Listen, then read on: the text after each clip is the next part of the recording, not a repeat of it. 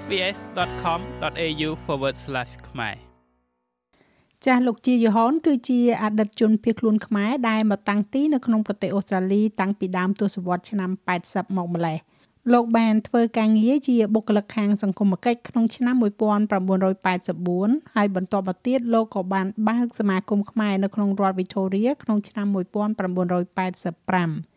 លោកបានចូលធ្វើការជាចៅសង្កាត់នៅតំបន់ Springvale ក្នុងឆ្នាំ1997រហូតលោកចូលនិវត្តន៍នៅក្នុងឆ្នាំ2020ក្នុងរយៈពេលជាង20ឆ្នាំនេះលោកធ្លាប់ធ្វើជាចៅហ្វាយក្រុងនៅ City of Greater Dandenong ចំនួន5លើកចាស់ហើយបច្ចុប្បន្នលោកនៅតែបន្តធ្វើតួនាទីជាប្រធានសមាគមខ្មែរនៅក្នុងរដ្ឋ Victoria ដដែល ចាស់ដូច្នេះចង់ដឹងអំពីដំណើររឿងរ៉ាវតាំងពីលោកអញ្ជើញមកដល់ក្នុងប្រទេសអូស្ត្រាលីតើមានការលំបាកយ៉ាងដូចម្តេចខ្លះនោះសូមជួបជាមួយនឹងលោកជាយូហនដូចតទៅចាសសូមជម្រាបសួរលោកពូចាសបាទសូមជម្រាបសួរក្មួយសុផារនី ចាអរគុណច្រើនលោកពូដែលផ្ដល់កិត្តិយសចូលរួមជាមួយនឹងកម្មវិធីរបស់ SBS ខ្មែរជារឿយៗហើយនៅក្នុងសប្តាហ៍នេះដែរគឺជាសប្តាហ៍ជនភៀសខ្លួនដូច្នេះយើងខ្ញុំចង់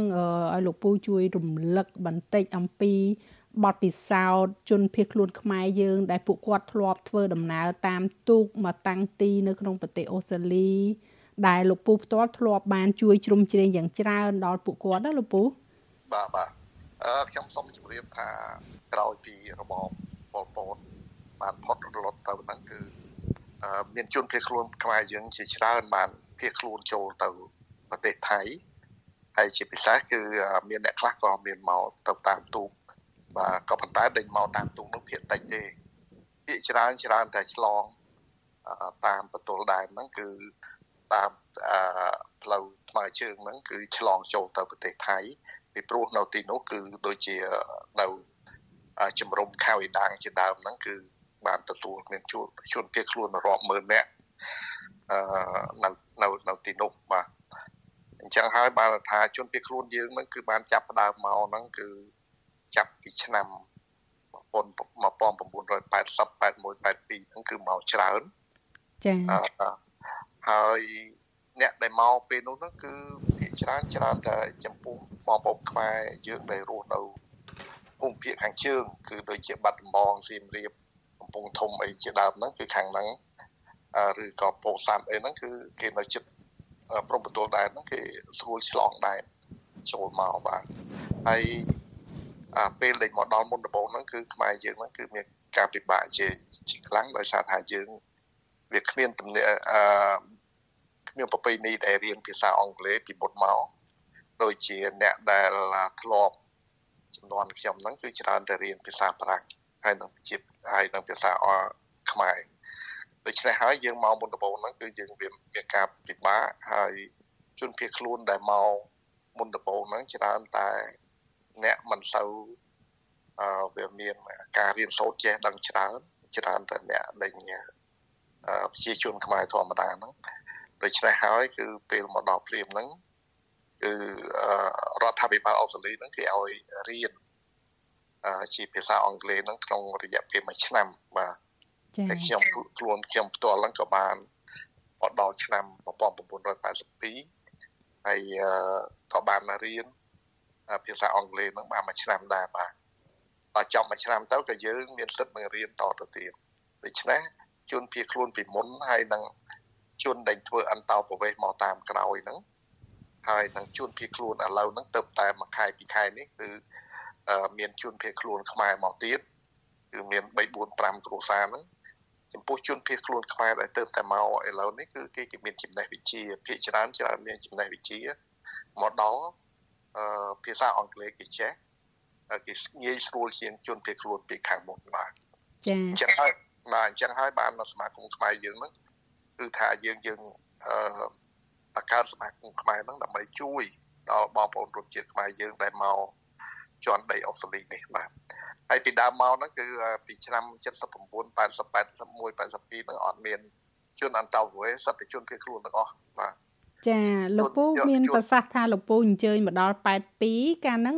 ឆ្នាំ82ហើយអញ្ចឹងកាលហ្នឹងលោកពូមកក្នុងនាមជាជនភៀសខ្លួនដូចគ្នាដែរមិនអញ្ចឹងលោកពូណោះ បាទបាទតែជំនាន់ហ្នឹងលោកពូអត់មានអញ្ជើញមកតាមទុកទេគឺលោកពូបានមកតាមជំរុំជនភៀសខ្លួនថៃអញ្ចឹងលោកពូអញ្ជើញមកតាមយន្តហោះមិនអញ្ចឹងលោកពូណាបាទបាទគឺពេលហ្នឹងគឺតាមយន្តហោះបាទគឺរដ្ឋាភិបាលគឺអឺផ្ដល់នៅការទិញស្មុតយន្តហោះអីអីនឹងទាំងអស់គឺយើងអត់មានអស់លុយអស់កាក់អីទេហើយពីព្រោះអីបើអស់លុយអស់កាក់ក៏យើងគ្មានដែរចេញពីអពតមកយើងមានអីយើងអត់មានអីផងអឺ មានដៃទទេហ្នឹងហើយសូម្បីទាំងមុននឹងចេញមកហ្នឹងក៏រដ្ឋាភិបាលអូស្ត្រាលីចែកសម្លៀកបំពាក់ឲ្យស្លៀកពាក់ទៀតចា៎ពីព្រោះបាទពីព្រោះអីពេលហ្នឹងគឺខ្ញុំមកខែ7គឺចំ winter ហ៎ចាកំពុងតែត្រជាក់ខ្លាំងចាបាទតែជាត្រជាក់ខ្លាំងសម្បើមណាហើយយើងក៏អាវយើងនៅនោះវាមានអីមានអាខោកបយអាវកបយហ្នឹងគឺអាហ្នឹងក្រាស់បំផុតណាអឺដូច្នេះយើងយើង ត្រូវបានទទួលរដ្ឋាភិបាលអូស្ត្រាលីនេះទទួលទំនុកបំរុងខ្លាំងមែនតើអឺគ្រាន់តែមកដល់អូស្ត្រាលីភ្លាមគឺមានអ្នកបកប្រែហើយនឹងគេគេដឹកមក hostel គឺជំរុំជនពេលខ្លួននៅខ្ញុំបានមានភ័ព្វវាសនាទៅរស់នៅនៅជំរុំ Enterprise Hostel ពីព្រោះពេលហ្នឹងគឺ hostel ហ្នឹងគឺមាន3 4នោះមាន Midway Hostel Enterprise Hostel ហើយនឹង East Bridge Hostel បាទវាមាន3ហើយមកជើងយន្តហោះហ្នឹងគឺទាំងខ្មែរផងវាមានយួនផងមកហ្នឹងគឺប្រហែលជា3 400នាក់បាទចាអឺលោកពូជ្រាបដែរទេថាការចំនួនលោកពូអញ្ជើញមកហ្នឹងមានក្នុងយន្តហោះលោកពូហ្នឹងមានខ្មែរប្រមាណអ្នកដែរលោកពូអឺខ្មែរជាង100នាក់ជាង100នាក់ចាឃើញថាច្រើនដែរហើយកាល ពីចំនួនហ្នឹងដូចថាពួកគាត់មកដល់ភ្លាមភ្លាមហ្នឹងពិបាកដែលលោកពូនិយាយអំបញ្ញមិញហ្នឹងគឺខ្លាំងជាងគេហ្នឹងគឺខាងភាសាដោយសារថាយើងអត់សូវចេះភាសាអីអញ្ចឹងណាហើយជាសម្រាប់លោកពូផ្ទាល់តើត្រូវការរយៈពេលប្រហែលជាប្រហែលឆ្នាំដែរទៅដើម្បីដូចថាយើងអាចទម្លាប់ឬក៏ថាតាំងទីបាននៅក្នុងប្រទេសអូស្ត្រាលីដូចគេដូចឯងអញ្ចឹងណាលោកពូអឺខ្ញុំមែនតើទៅខ្ញុំនៅក្នុង hostel ជិត1ឆ្នាំ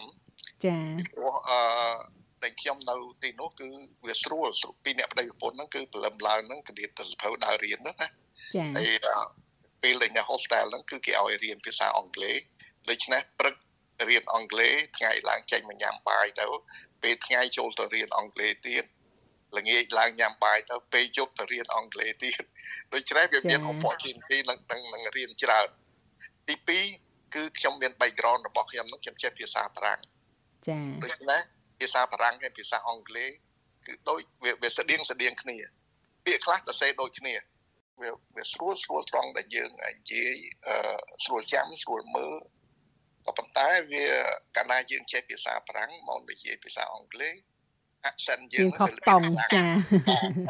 តង់ហើយតង់បារាំងច្រើនចាបាទបារាំងច្រើនអាហ្នឹងវាចឹងបាទហើយអ្នកចំពោះ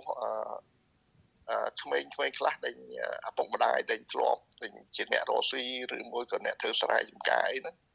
គាត់មកដល់គឺគាត់ស្រួលហ្មងគាត់អឺគាត់ថាអានេះដូចឋានសួគ៌របស់គាត់អញ្ចឹងវាព្រោះអឺដូចថាវាមកដល់វាមានម៉ាស៊ីនត្រជាក់ម៉ាស៊ីនក្តៅអីវាវាស្រួលរួយខំធ្វើការតែមួយឆ្នាំទៅទិញឡានបានជិះអឺភ្លាមភ្លាមអញ្ចឹងចាក៏ប៉ុន្តែចំពោះអ្នកដែលមានចំណេះវិជ្ជារៀនសូត្រហ្នឹងគឺត្រូវការ ពេលវេលារៀនបន្ថែមចាពេលវេលារៀនចាំយ៉ាងហោចណាស់ក៏ពីមួយឆ្នាំទៅពីរឆ្នាំដែរដើម្បីបានខាត់ឆ្អាប់ភាសាអង់គ្លេសហ្នឹងចំពោះខ្លួនខ្ញុំផ្ទាល់ខ្ញុំមិនជាសូវជាពិបាកប្រហែលទេអញ្ចឹងហើយបានក្នុងការបំពេញ form ទៅជា form unemployment benefit ដែលណាដើម្បីយកទឹកលុយដែលដែលគេចិញ្ចឹមហ្នឹងអ្នកដែលកំពុងរកការងារធ្វើហ្នឹង គឺខ្ញុំតែងតែបំពេញដោយស្រួលហើយជាពិសេសមានបងប្អូនខ្មែរយើងជាច្រើនពេលថ្ងៃឡើងតែពេលញ៉ាំបាយហើយហ្នឹងគេមកជាប់រោមខ្ញុំគឺឲ្យខ្ញុំជួយចាបាទដូចដូច្នេះបានខ្ញុំវាមានដោយសារធ្វើការអញ្ចឹងរួចហើយមានជួយគេទម្លាប់ជួយគេហ្នឹងបងប្អូនខ្មែរយើងហ្នឹងតាំងពីនៅជំរំហ្នឹងនៅ Enterprise Hostel ហ្នឹង អញ្ចឹងហើយបានចេញមកហ្នឹងក៏ខ្ញុំបានការងារធ្វើមុនដំបូងហ្នឹងធ្វើជា teacher aid ចា៎បាទគ្រូចំនួននឹងបានមួយអាទិត្យខ្ញុំបានការងារមួយទៀតគឺជា welfare worker រួចហើយបានខ្ញុំចាប់ធ្វើការងារ welfare នឹងជាប់រហូតមកពីព្រោះពេលដែលធ្វើការងារ welfare ហ្នឹងគឺខ្ញុំមាន opportunity ដែលអឺខាងអឺ employer ហ្នឹងគេបញ្ជូនឲ្យទៅរៀនចា៎ បាទដូចដូចដូច្នេះហើយបានតែខ្ញុំខ្ញុំមានមានការងារស្រួលឃើញថាឲ្យមានការចេះដឹងខាងផ្នែកខាង welfare ហ្នឹងបន្តបន្ទាប់ទៀតចាចេះតែមានឱកាសរៀនសូត្រពីការងារផង ពីការជួយប្រជាជន ខ្មែរយើង អ្នកដែលមកជាមួយគ្នាជំនាន់ជាមួយគ្នាផងអញ្ចឹងទៅចេះតែរីកចម្រើនខាងខាង welfare ហ្នឹងហើយលោកពូក៏ ចេញពីនឹងមកលោកពូចាប់ផ្ដើមបើកជាសមាគមខ្មែរដើម្បីជួយខ្មែរខ្មែរយើងតែម្ដងឬមួយក៏មានអីវែងឆ្ងាយជាងនឹងដែរលោកពូចាចាប់ឆ្នាំ1984ខ្ញុំបានការងារធ្វើធ្វើជា welfare ហ្នឹងដល់ចប់ពី welfare ហ្នឹងទៅធ្វើមិនមែនធ្វើនៅ Spring Valley ទេធ្វើនៅ Collingwood នោះអាហ្នឹងគឺធ្វើនៅជាមួយសហគមន៍ខ្មែរចា៎ដល់ខ្ញុំចាប់ការងារហ្នឹងមកគឺបងប្អូនខ្មែរនៅតែតាម មកពឹងពាក់អីចឹងដូច្នេះខ្ញុំក៏ស្នើសុំឲ្យសហគមន៍ហ្នឹងលើកទីស្នាក់ការពី Collingwood មក Springvale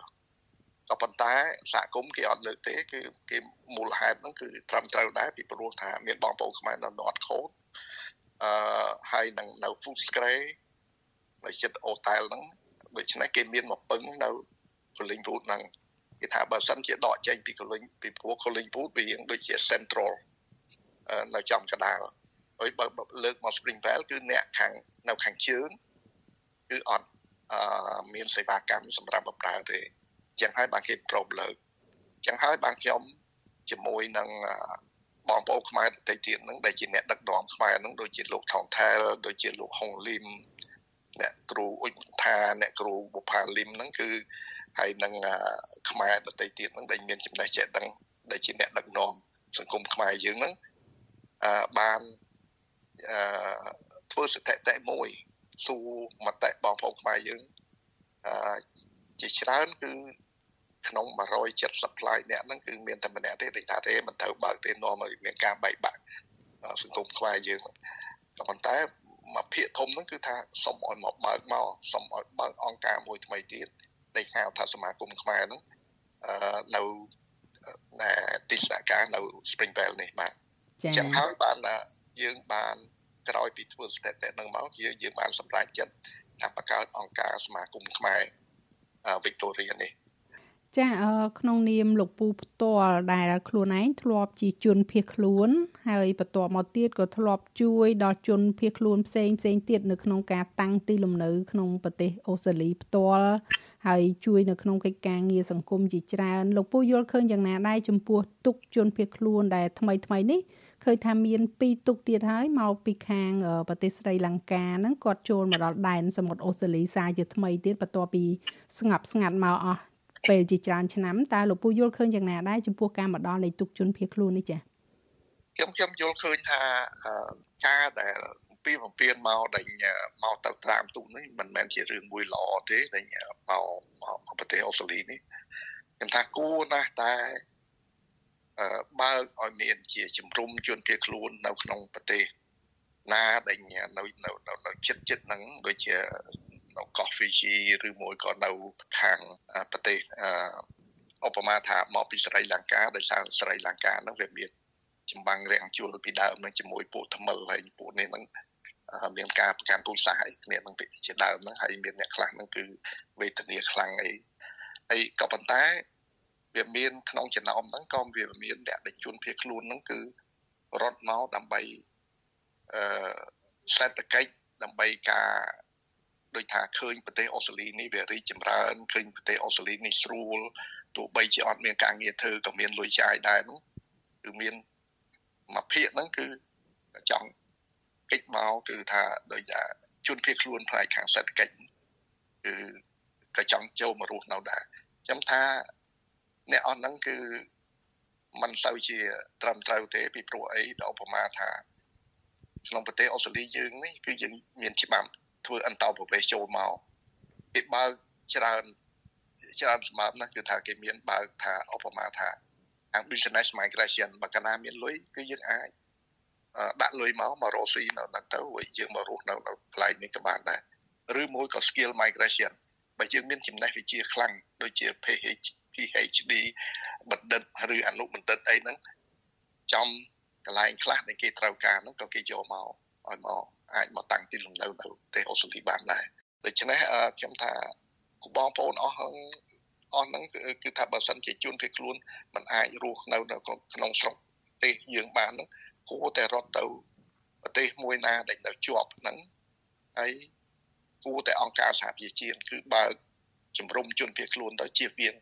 កុំឲ្យបងប្អូនអឺជនជាតិស្រីលង្កាជនជាតិអីហ្នឹងគឺមកតាមទូកការមកតាមទូកនេះគឺវេទនាណាស់ហើយវាអាចដល់ស្លាប់បាត់បង់អាយុជីវិតទៀតពីប្រទេសកម្ពុជាមកនឹងរហូតមកដល់សម័យនេះក៏នៅតែមានជនភៀសខ្លួនដែរក៏ប៉ុន្តែជនភៀសខ្លួនខុសប្លែកពីជនភៀសខ្លួនការជំនាន់លោកពូរត់មកមិនចឹងណោះបាទបាទចាបាទពីព្រោះកាលជនភៀសខ្លួនសកលខ្ញុំហ្នឹងគឺវាធូរធូរស្រាលសម្បើមណា ដោយសារតែតកណាចូលក្នុងជំរំ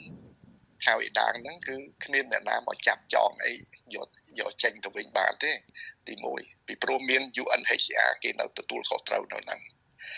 ខាងអង្គការសហប្រជាជាតិគេនៅទទួលខុសត្រូវហើយឥឡូវនេះគឺមកដល់ជនភៀសខ្លួនខ្មែរយើងខ្ញុំថាមើលទៅមិនច្រើនទេប្រហែលជា100នាក់200នាក់អីប៉ុណ្ណឹងជាពិសេសគឺមានជនភៀសខ្លួនដែលមកពីកម្ពុជាក្រោម ខ្មែរកម្ពុជាក្រោមហ្នឹងក៏មានច្រើនណាស់ដែររាប់រយនាក់ដែរតាមដែលខ្ញុំដឹងហ្នឹងចាពីព្រោះគេពួកអស់ហ្នឹងគឺគេជួនកាលចេះតែងតែមកតាក់ទងមកខាងសមាគមដើម្បីឲ្យសមាគមសុំជួយធានាក៏ប៉ុន្តែការធានាហ្នឹងគឺវាមិនបានជោគជ័យដោយពីមុនបាទពីមុនគឺសមាគមខ្មែរធ្លាប់ធានាមកដែរពេលដែលជនភៀសខ្លួនមកឆ្នាំ1900 80 81 82 83អីហ្នឹងគឺយើងមានធានាមកធានាមកបានអឺច្រើនគ្រួសារណាស់ដែរសកលហ្នឹងគឺប្រទេសអូស្ត្រាលីគេមានបើកគេហៅថា open selection គឺគេបើកចំហចំពោះអ្នកណាដែលគ្មានបងប្អូនសាច់ញាតិនៅប្រទេសអូស្ត្រាលីនេះដូច្នេះអ្នកអស់ហ្នឹងក៏មានសិទ្ធិនឹងអាចមកមកមករស់នៅក្នុងប្រទេសអូស្ត្រាលីនេះបានដែរបាទចា៎ ចាសសូមអរគុណច្រើនលោកពូជាយហនដែលបានផ្ដល់បទសម្ភាសយ៉ាងក្បោះក្បាយពាក់ព័ន្ធជាមួយនឹងប្រវត្តិរបស់លោកពូផ្ទាល់ក្នុងនាមជាជនភៀសខ្លួនក៏ដូចជាការជួយជ្រោមជ្រែងដល់ជនភៀសខ្លួនខ្មែរនៅក្នុងការតាំងទីលំនៅក្នុងប្រទេសអូស្ត្រាលីនៅពេលនេះចាសសូមអរគុណនិងសូមគោរពលាលោកពូចាសចូលចិត្តអ្វីដែលអ្នកស្ដាប់នេះទេ Subscribe SBS ខ្មែរនៅលើ Podcast Player ដែលលោកអ្នកចូលចិត្ត